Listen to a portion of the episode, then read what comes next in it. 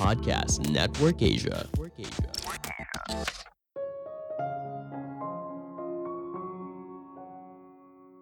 Dalam pemikiran yang lebih besar, hidup yang sukses itu bukan soal mendapatkan nilai yang baik, tapi hidup yang sukses adalah soal apa yang kamu pelajari.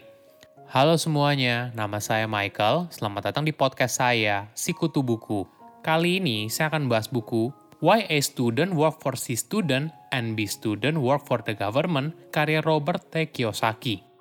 Sebelum kita mulai, buat kalian yang mau support podcast ini agar terus berkarya, caranya gampang banget. Kalian cukup klik follow. Dukungan kalian membantu banget supaya kita bisa rutin posting dan bersama-sama belajar di podcast ini. Buku ini membahas kenapa edukasi keuangan sangat penting. Kita dibesarkan untuk menjadi karyawan atau pemilik bisnis kecil ketika dewasa. Namun sejatinya, kita perlu belajar bagaimana menjadi pebisnis besar atau investor. Penulis berpendapat, orang tua seharusnya jangan terlalu fokus mendorong anaknya untuk menjadi murid terbaik atau dikenal sebagai A student, tapi fokus pada hal lain seperti mengembangkan kreativitas, mencari minat diri, visioner, dan menjadi pemimpi. Ini merupakan kualitas dari si student yang dibesarkan untuk menjadi inovator, pebisnis sukses masa depan, dan sebagainya. Saya merangkumnya menjadi tiga hal penting dari buku ini. Pertama, pelajaran keuangan yang berharga. Kenapa orang yang drop out kuliah justru menjadi pengusaha yang sukses? Kenapa anak paling pintar di kelas malah bekerja bagi anak yang biasa aja? Pertanyaan ini mungkin saja menggelitik rasa penasaran kebanyakan orang, Sejak kecil, kita diajarkan untuk sekolah yang rajin, cari pekerjaan, kerja keras, dan pensiun. Pada zaman dulu, perusahaan tempat kita bekerja akan merawat kamu hingga kamu pensiun, asalkan kamu setia bekerja di sana. Pada zaman dulu, setiap orang bisa punya rumah yang layak ketika menikah karena harga rumah masih terjangkau. Pada zaman dulu, orang yang kuliah akan menghasilkan uang yang lebih banyak daripada orang yang tidak kuliah. Namun pada zaman sekarang, semua tidak seindah masa lalu. Orang tua harus membekali anak mereka dengan edukasi keuangan yang baik. Sukses tidak lagi hanya bergantung pada kemampuan akademik atau kemampuan spesifik, tapi juga butuh kemampuan untuk mengatur keuangan dengan baik. Penulis diajarkan oleh ayahnya soal keuangan melalui permainan monopoli. Ada empat kuadran untuk menghasilkan uang, employee, self-employed, big business, dan investor – Kuadran employee berisi hidup kebanyakan orang, yaitu menjadi karyawan. Kuadran self-employed berisi pemilik bisnis kecil atau pekerja mandiri. Kuadran big business berisi pemilik bisnis yang besar dengan 500 karyawan atau lebih. Sedangkan kuadran investor berisi profesional atau investor aktif. Jika kamu mulai karir misalnya pada kuadran employee atau self-employed, jangan berkecil hati. Kamu bisa berpindah kuadran jika kamu memahami ada tiga sumber penghasilan, ordinary, portfolio, dan pasif. Banyak orang diajarkan untuk bekerja dan mendapatkan ordinary income. Ini adalah penghasilan yang kamu dapatkan ketika bekerja. Kedua adalah portfolio income. Penghasilan yang didapat dari investasi, misalnya dari dividen, kenaikan harga saham, dan sebagainya. Ketiga adalah passive income, biasanya juga dikenal sebagai arus kas. Sederhananya begini, dalam permainan monopoli, kamu akan mendapatkan uang sewa apabila ada pemain lain yang berada di bangunanmu. Pengetahuan dasar soal tiga sumber keuangan akan sangat membantu kamu dalam mengelola keuangan yang kamu miliki.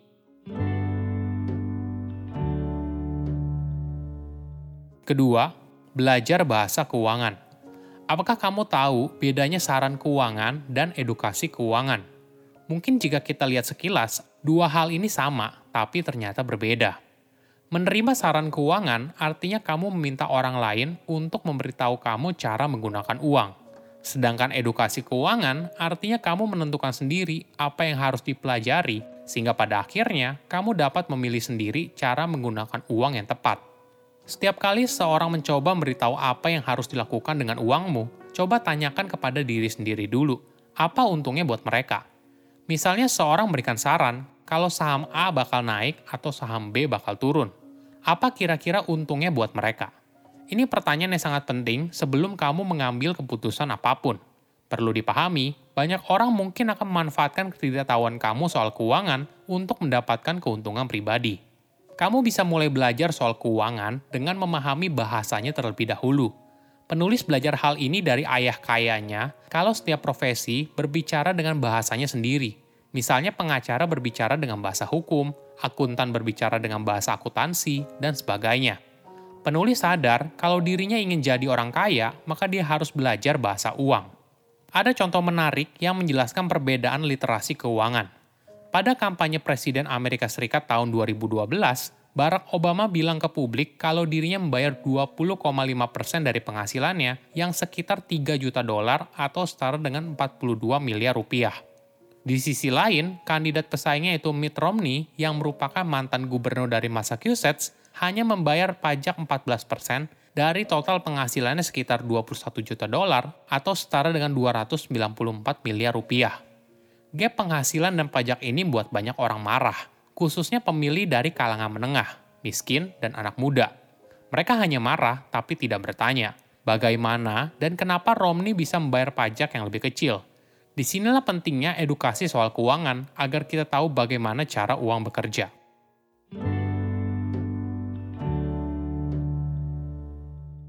Ketiga, jangan berikan anakmu uang. Apakah kamu pernah merasa tidak adil kalau anak dari keluarga kaya selalu mendapatkan semua yang mereka inginkan? entah itu mobil baru, ponsel bagus, atau mainan mewah lainnya. Orang tua terbiasa memberikan hadiah sebagai bentuk tanda cinta. Menurut penulis, cara ini tidak tepat karena akan mendorong anak tersebut memiliki entitlement mentality.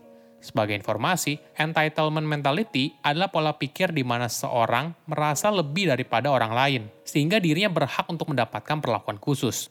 Mentalitas seperti ini biasanya terbentuk ketika orang tua terlalu memanjakan anaknya, tidak peduli apakah mereka kaya atau miskin, beberapa orang tua memiliki kebiasaan buruk untuk menunjukkan rasa cinta dengan uang.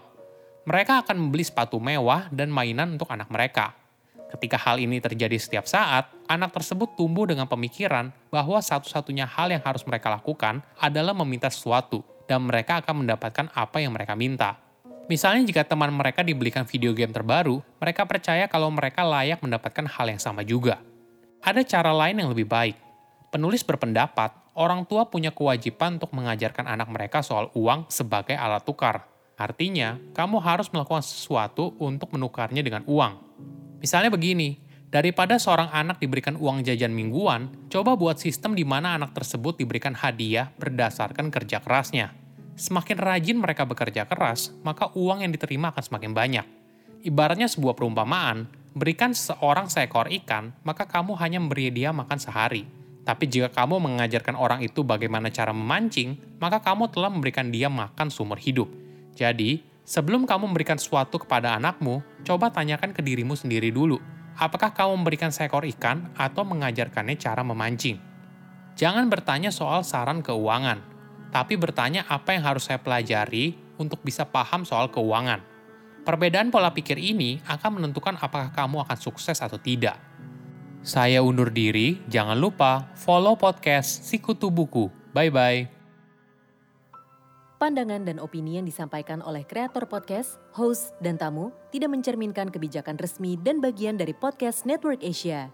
Setiap konten yang disampaikan mereka di dalam podcast adalah opini mereka sendiri dan tidak bermaksud untuk merugikan agama, grup etnik, perkumpulan, organisasi, perusahaan, perorangan, atau siapa pun dan apa pun.